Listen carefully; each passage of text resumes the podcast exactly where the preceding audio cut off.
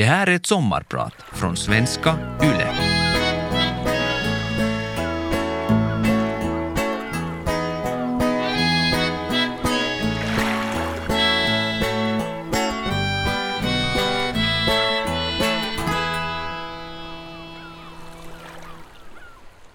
Tre minuter. Nu har jag suttit här helt tyst i tre minuter mittemot min kurskompis på Hanken. Jag känner inte henne särskilt väl, men vi sitter alldeles stilla och ser varandra i ögonen. Det känns främmande. Mina tankar irrar. Det är ju ovant att sitta tyst och bara titta, ta in den andra. En minut kvar. Sen ska vi dela med oss av våra upplevelser och på ett papper skriva ner om det är någonting som tynger oss. När tiden är slut börjar vi skriva. Pappren samlas ihop och föreläsaren läser upp lapparna vi skrivit. Egentligen så vet vi ju alla det här. Att vi människor bär på bagage. Ibland lätt, ibland riktigt tungt. Men för mig så blev det extra påtagligt den gången. Där bland oss, som på utsidan var glada studerande i organisationspsykologi, fanns också många med tunga upplevelser. En levde i en dålig relation, en tyngdes av allvarlig sjukdom, en oroade sig för stress och utmattning, en skulle snart åka på begravning. Själv var jag nybliven singel och besviken. Den här stunden så har jag nu som då tänkt tillbaka på. Den fungerar som en bra påminnelse om att vi alla bär på någonting. Jag tänker att den visar på att vi åtminstone kan verka och ibland också vara glada och livfulla samtidigt som vi är ledsna. Att vi människor kan bära många olika känslor i kroppen under en och samma förmiddag. Jag tror att man som medmänniska och beslutsfattare behöver komma ihåg det. På samma sätt som glädje och sorg ryms i samma kropp så gäller det också i ett större perspektiv. Även om mycket är bra i vårt samhälle så behöver mycket ännu göras. Och vi behöver både hjälpa varandra att bära varandras bagage och se till att en del bagage aldrig uppstår. Jag heter Anita Westerholm. Jag är 27 år, ministermedarbetare, beslutsfattare i min älskade hemstad Raseborg, ordförande för Svenska kvinnoförbundet. Idag så ska jag sommarprata om ansvar, makt, jämställdhet och om vikten att se saker ur flera perspektiv.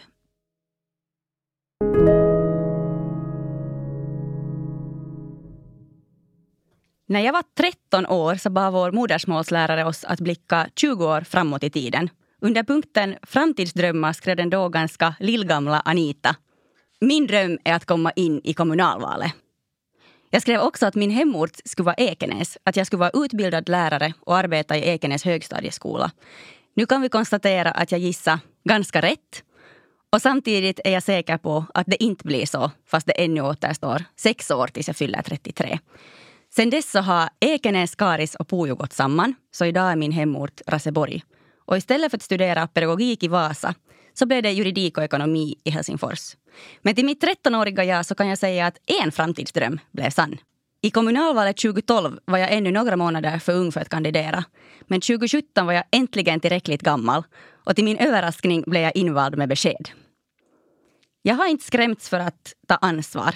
Tvärtom så har jag ofta sökt mig dit. För mig så handlar ansvar om att dra sitt strå till stacken. Att göra det som behöver göras då man har förmåga och möjlighet. Och att sköta det man har åtagit sig.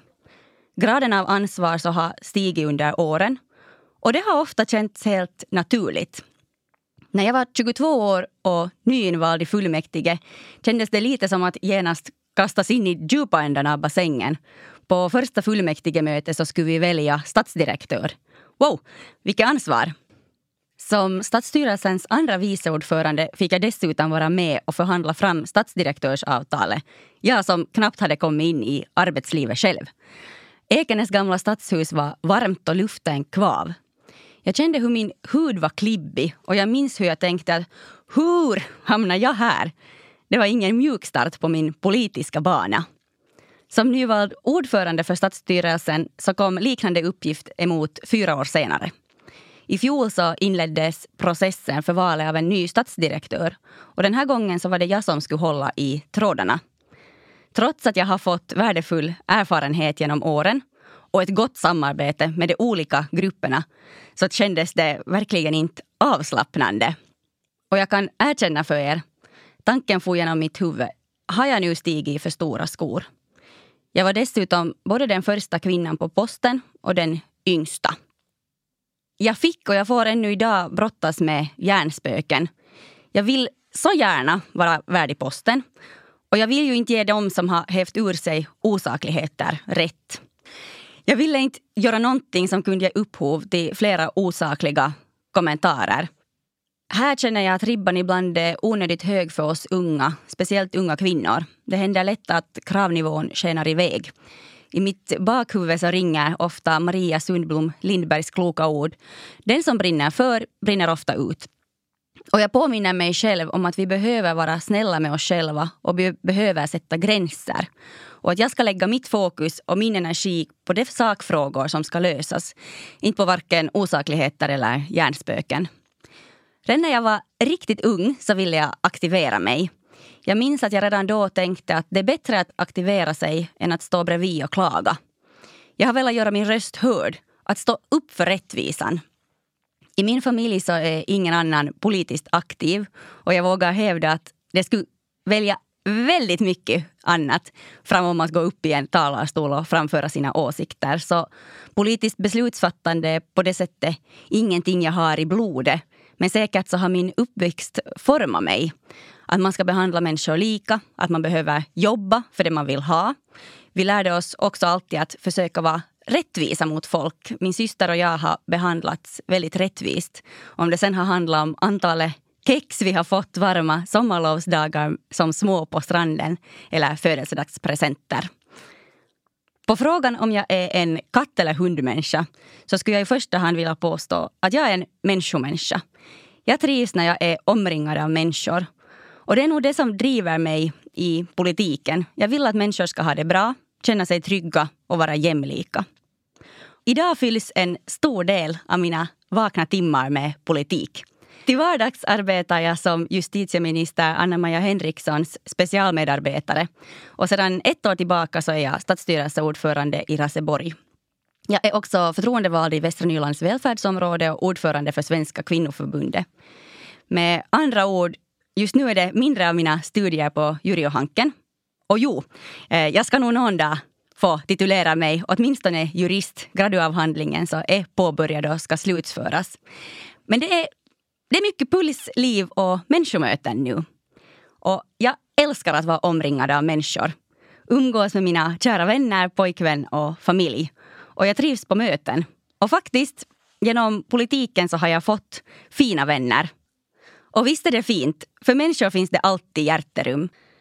Sen när det kommer till tid är det ibland lite klurigare. Det är en hel del kalenderpusslande med nära och kära. Men samtidigt så är det förståelse, stöd och vänskap som inte försvinner någonstans. Det är också mycket hämtmat och tidvis för få timmar träning och sömn. Och definitivt för lite fönstertvättande. Det skulle alla som ser mina fönster tycka.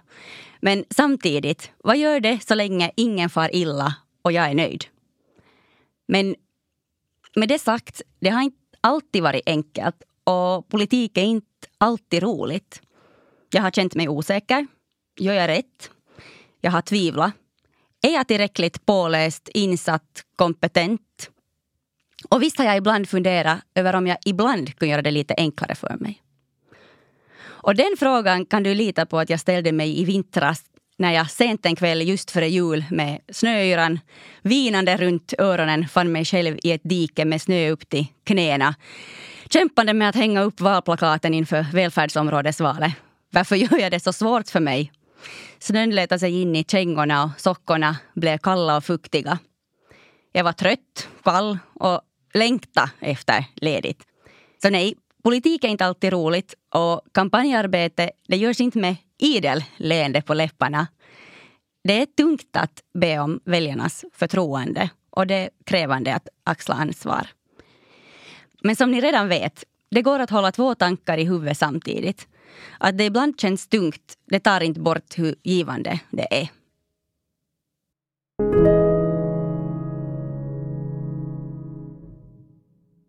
Vill man så kan man. Det var min slogan när jag kandiderade för att bli elevkårens styrelseordförande i högstadiet. Idag vet jag bättre. Det är inte riktigt så enkelt alla gånger. Vi startar inte alla på samma linje och bara viljan att förändra saker, den räcker inte alltid. Men jag har nog också ändå lutat mig emot den tanken. Finns det vilja, finns det väg. Det är ett tankesätt som motiverar mig att fortsätta arbeta för lika möjligheter och rättigheter. Det är möjligt att förändra det mesta, bara vi är tillräckligt många. Politik är lagarbete. Ensam åstadkommer man ingenting i en demokrati. En av mina främsta styrkor är att jag snabbt kan omvandla självömkan till bränsle. Det finns absolut gånger jag betvivlar om jag är tillräckligt klok, tillräckligt påläst, tillräckligt vad det nu är den gången. Men snabbt påminner jag mig om att viktiga saker är värda att kämpa för. Ja, min röst behövs faktiskt. Det har betydelse vem som sitter kring bordet då klubban faller. Det har betydelse vem som har makt. Vi behöver se till att det i laget finns representation. Kvinnor är ofta underrepresenterade i beslutsfattande. Det är trots att vi som det första i världen blev valbara och trots att Finland var det första landet i Europa att införa rösträtt för kvinnor. Samtidigt som vi är föregångare när det kommer till demokrati så är vi inte i mål. Vi har också bland annat färre unga och personer med invandrarbakgrund på beslutspositioner.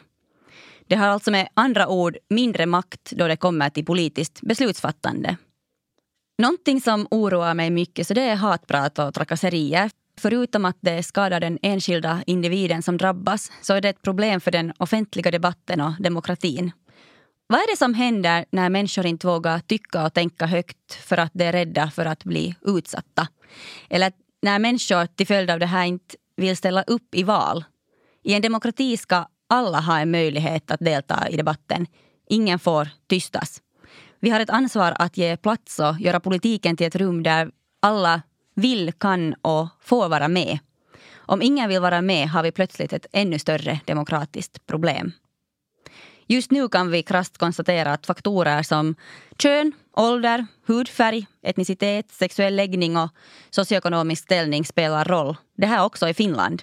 Eftersom jag jobbar med de här frågorna så ska jag också fundera på min egen roll. Gör jag vardagen tuffare för någon? Ger jag plats åt andra? Lever jag som jag lär? Låter jag folk i min omgivning försöka och misslyckas? Vad kan jag göra för att stötta medmänniskor in i politiken?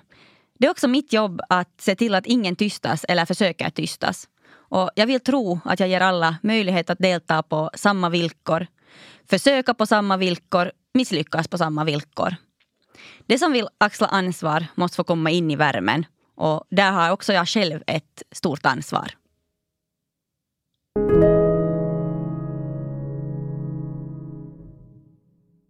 Lilla du, och vet du nu vad du talar om det fick jag höra flera gånger under min första fullmäktigeperiod. Jag har fått höra att jag inte är tillräckligt påläst utan närmare preciseringar på vad saken gäller. Vi ska inte heller glömma den fullmäktigeledamot som sa att jag har piss i huvudet då jag röstar på ett annat sätt. Förstås fel, eller alltså på ett annat sätt än honom. Och samtidigt så vet jag, jag har kommit rätt lindrigt undan jag är en vit, småningom färdig jurist med ett starkt nätverk och god självkänsla. Det finns många som har det betydligt tuffare. Kravet på lika möjligheter, friheter och rättigheter för alla oberoende av faktorer som kön, bakgrund och hudfärg är högst rimligt. Det är en självklarhet men långt ifrån en verklighet. Osakligt beteende, sexuella trakasserier, objektifiering och kvinnofientlighet är så vanligt att vi ibland inte ser det. Det sker överallt. På arbetsplatsen, på fritiden, i hemmet och när man är i en utsatt situation. Minns ni diskussionen om de kvinnliga beachhandbollsspelarnas shorts förra sommaren? Det blev med rätta en stor diskussion när det norska damlandslaget fick böter efter en match. Varför de fick böter? Nå, de spelar i likadana kläder som männen, alltså shorts istället för bikinitrosor och små bh-toppar som regelverket för kvinnor säger. Det kokar i sociala medier och det internationella handbollsförbundet uppdaterade äntligen sitt regelverk för kvinnorna. Och det lönar sig att höja rösten. Från och med årsskiftet måste kvinnorna inte längre spela i bikinitrosor utan de får, hör och häpna, spela i korta, tajta shorts. Jag rasar över att varje centimeter kräver en kamp. Var det för mycket begärt av IHF att omgående besluta om samma regler för män och kvinnor? Uppenbarligen. Som tidigare släggkastare ligger idrott mig mycket nära hjärtat. Jag vet att idrottsvärlden kan vara fantastisk, att man kan få vänner för livet och att idrotten gör gott för välmående. Men tyvärr finns det också allt för många problem inom idrotten. Problem vi måste gå till botten med. Bästebrodernätverken, ojämlik behandling och sexuella trakasserier. Sexuella trakasserier på arbetsplatsen är tyvärr inte heller något ovanligt. Och kvinnor drabbas betydligt oftare än män. En undersökning visar att nästan var femte kvinna har utsatts för sexuella trakasserier på sin egen arbetsplats. Om du som lyssnar är kvinna har du sannolikt ett eget exempel på lager. En olämplig kommentar vid kaffebordet, ett roligt skämt eller en opassande hand på valfri kroppsdel. Om du är ung kvinna har du sannolikt ännu fler. Jobbar du dessutom inom social och hälsovården eller med kund och servicearbete är du ännu mer utsatt. Men hörni, finns det nu verkligen orsak att vara missnöjd? Kan inte vi ta och luta oss tillbaka på annan statistik? Internationellt är ju Finland i topp på listorna när det kommer till jämställdhet. Lyckligaste landet i världen är vi också. Kan inte vi vara glada och nöjda? Det finns ju andra som har det betydligt värre. Som finländsk kvinna borde man ju faktiskt vara lite tacksam. Eller? Återigen påminner jag mig om att två verkligheter kan existera samtidigt. Det är jättefint att Finland kommit långt. Det har gjorts mycket viktigt och fint arbete av många. Men samtidigt, det tröstar föga den som idag blir utsatt för diskriminering, våld eller trakasserier att Finland hör till världstoppen i jämställdhet. Vi får inte och vi ska inte tro att vi är färdiga för att vi hör till det bästa. Kanske kan man säga så här. Det att andra är ännu sämre, det gör inte att vi är färdiga. Det finns de som hävdar att jämställdhetsarbete har gått för långt. Nej, den som hävdar det så den saknar kunskap. Jämställdhet kan inte gå för långt för det betyder lika. Minns ni skrivuppgiften som 13-åriga Anita fick att blicka 20 år framåt i tiden? Där som jag skrev uh, vad jag vill jobba med, var jag vill bo och sånt. Det som jag inte berättade var att jag också skrev när jag kom hem ställde jag mig framför spisen och började laga mat. Min kära kommer ju hem klockan fem. Jo, just så skrev den 13-åriga Anita. Det här var förstås en förväntning på kvinnan jag som barn hade fångat upp från samhället. Idag så vet jag bättre. Bara för att jag är kvinna så behöver jag inte vara den som lagar mat. Ansvar att sköta hushåll och barnomsorg, så det behöver delas. Alla vinner faktiskt på ett jämställt och jämlikt samhälle. Men hur är det som vi får alla att inse det? Det här är en fråga som jag så otroligt gärna vill ha svar på. Jag hoppas att det en dag inte behövs argument som “men hej, det kunde vara din dotter, din mamma eller fru för att få till stånd ett uppvaknande”. Det ska räcka med att det handlar om en medmänniska. Jag heter Anita Westerholm och idag är jag din sommarpratare.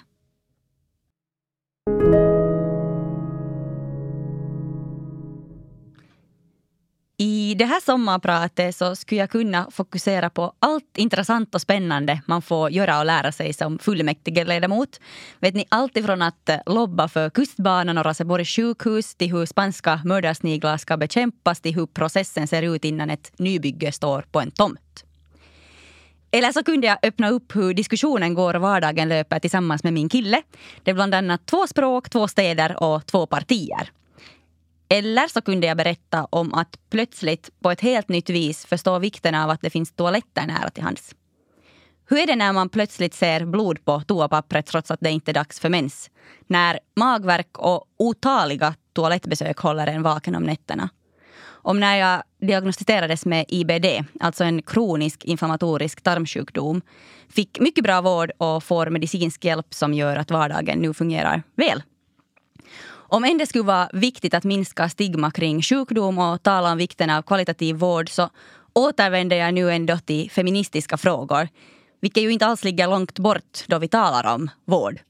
Jag tror så starkt på att om vi är tillräckligt många som vill förändra, som för vidare kunskap, jo då kan vi lyckas. Jag funderar ofta hur jag ska tala om jämställdhet och jämlikhet. Hur kan vi tillsammans nå ut med våra budskap och få med alla i arbete? Hjälper det med lite statistik? För tänk, globalt så utsätts närmare 11 000 flickor varje dag för könsstympning. Drygt 32 000 flickor gifts bort före sin 18-årsdag. Och varje dag föds omkring 5 500 barn av mammor som är under 15 år. Varje dag! Det här kan kännas hopplöst.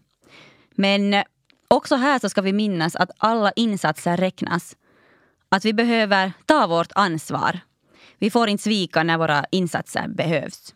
Vi behöver synliggöra de här frågorna, för jämställdhet det löser sig inte av sig själv utan det krävs ett målmedvetet, ihärdigt arbete.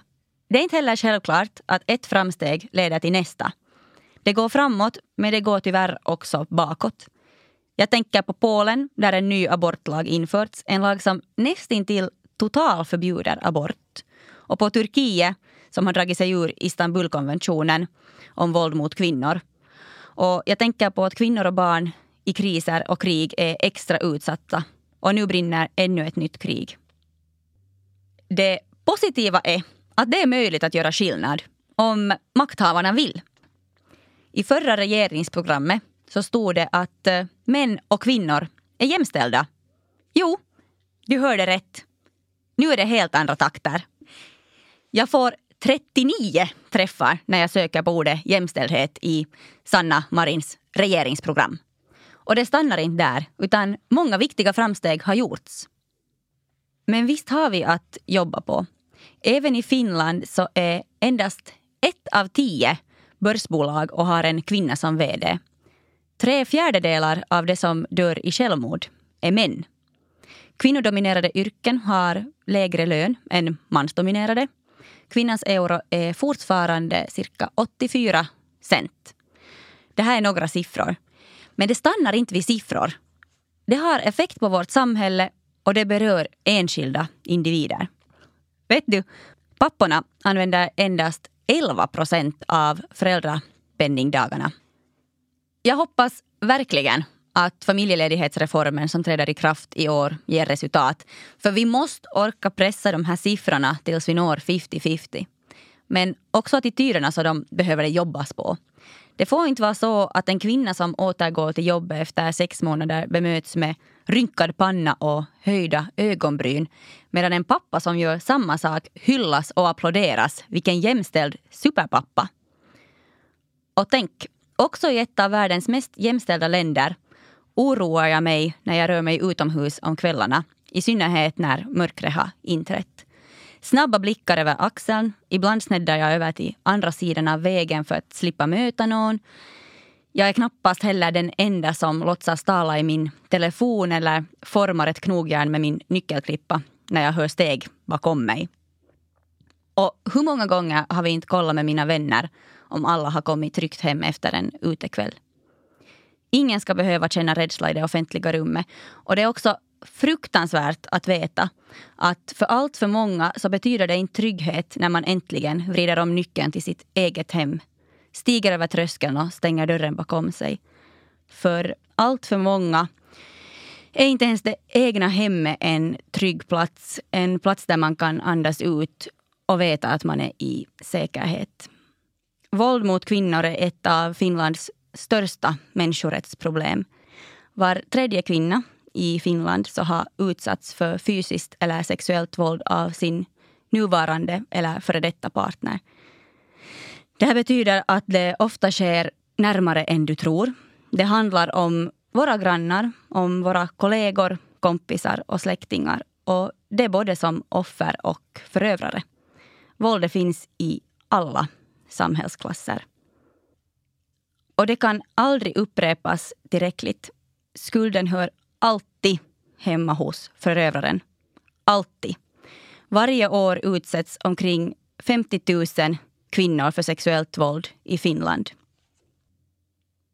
Under 2010-talet har manliga partners eller ex-partners dödat 149 kvinnor. Det är bara i Finland. Det här behöver vi reda ut, prata om, förebygga och identifiera. Det här får vi inte gömma bakom pokalerna om världens lyckligaste och mest jämställda land.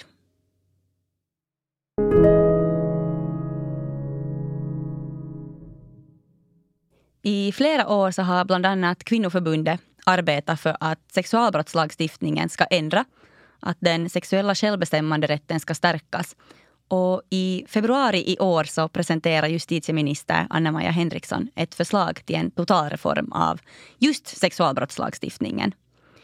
Det här var första gången som jag förstod hur genuint glad och faktiskt också rörd jag kan bli av ett lagförslag. Nu sker ett paradigmskifte och den sexuella självbestämmanderätten så stärks. Till exempel, för att det ska vara fråga om sex så krävs en tydlig signal om att partnerna vill. Det är inte fråga om att ett nej är ett nej, utan det är fråga om att det krävs ett ja eller en annan tydlig signal. Om inte alla inblandade vill delta i samlaget, jo, då är det våldtäkt. Sexuell självbestämmanderätt är en grundläggande mänsklig rättighet. Jag återvänder till de här frågorna för jag vet att det är en rättighet som långt ifrån alltid förverkligas. Kvinnor sexualiseras och ses som objekt framom subjekt. Hur ska vi kunna bygga ett eh, välmående, tryggt samhälle om inte man ser sina medmänniskor för den människa hon är utan ser på en kvinna som att hon finns till för att tillfredsställa andras behov? Det är fruktansvärt hur kvinnors sexualitet begränsats och begränsas. Att den sexuella självbestämmanderätten varken respekterats eller har skyddats tillräckligt i lag. Visst är det absurt att först år 1994 kriminaliserades våldtäkt inom äktenskapet i Finland.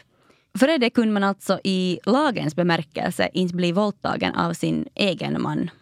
Och jo, jag vågar säga man för i cirka 99 procent av våldtäktsfallen så är gärningspersonen en man.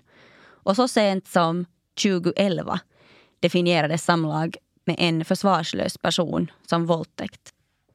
Jag är så glad över att de som växer upp nu ska få lära sig om samtycke från början. Att vi kommer bort ifrån att våldtäkter är överfallsvåldtäkter med mycket våld. Ja, det är förstås också en våldtäkt. Men de flesta våldtäkter så sker faktiskt i privata bostäder och utan våld. Nu blir det så tydligt att ingen behöver ställa upp på någonting. Vi har rätt att avbryta när som helst. Du har rätt att bestämma över din kropp. Och du har ingen skyldighet gentemot någon annan. Det här får mig att tänka på vilket maratonlopp politik är. Det krävs många röster och ibland också många år.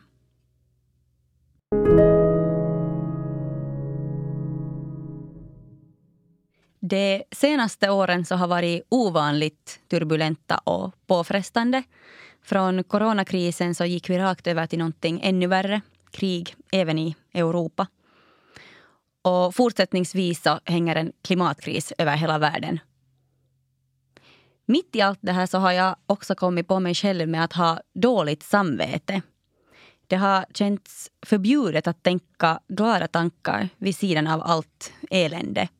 Jag har funderat om det ens är acceptabelt att tala om någonting annat än de akuta kriser som härjat och härjar. Får jag tänka andra tankar och känna andra känslor? Här är jag knappast ensam. Är det okej okay att jag känner besvikelse över något fjuttigt när det brinner krig och miljontals och åter miljontals människor hamnar fly sina hem? Är det okej okay att jag gläds över en löneförhöjning när många ligger på intensiven till följd av corona? Är det okej okay att känna stunder av lycka i sorgarbete? Är det okej okay att känna sorg när det finns hundra anledningar att känna lycka? Och jag vet, ni vet det svaret. Ja, ja, det är okej. Okay. Vi är komplexa.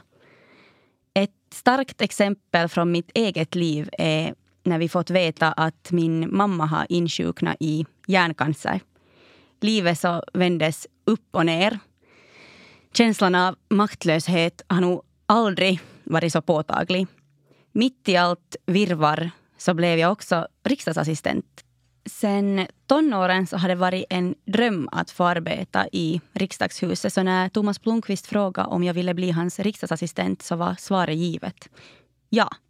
Hela jag bubblade av iver att få sätta igång. Men det var surrealistiskt att stå där med fötterna i båda världarna. Å ena sidan så var jag alldeles uppgiven och fylld av sorg och oro över mamma. Å andra sidan så hade en tonårsdröm plötsligt gått i uppfyllelse. Jag hade fått alldeles underbara kollegor och givande arbetsuppgifter. Men samtidigt bottenlös oro, klump i magen. Påminna sig själv om att det finns statistik och prognoser och så finns det enskilda fall. Mamma.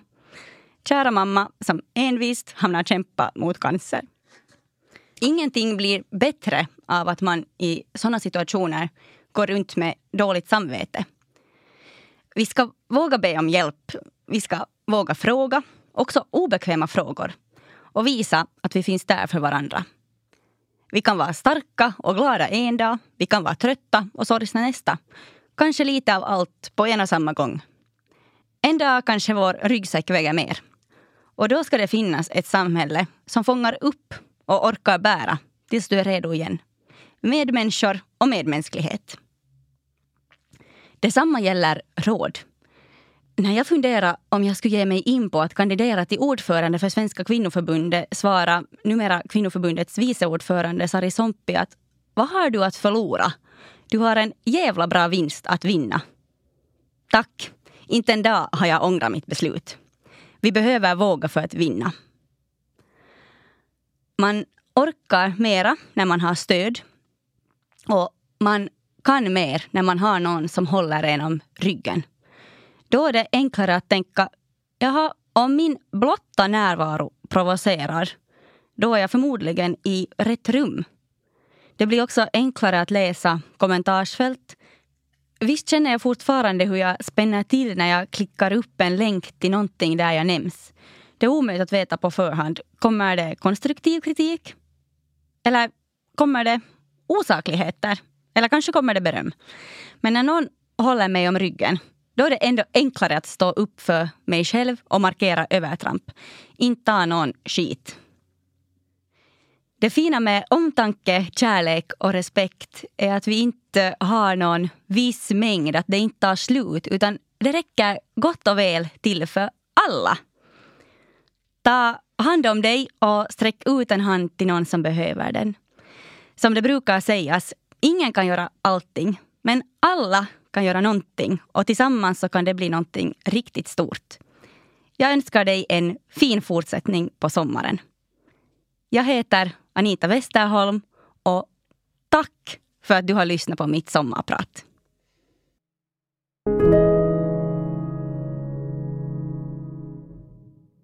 Vegas sommarpratare produceras för Svenska Yle av Parad Media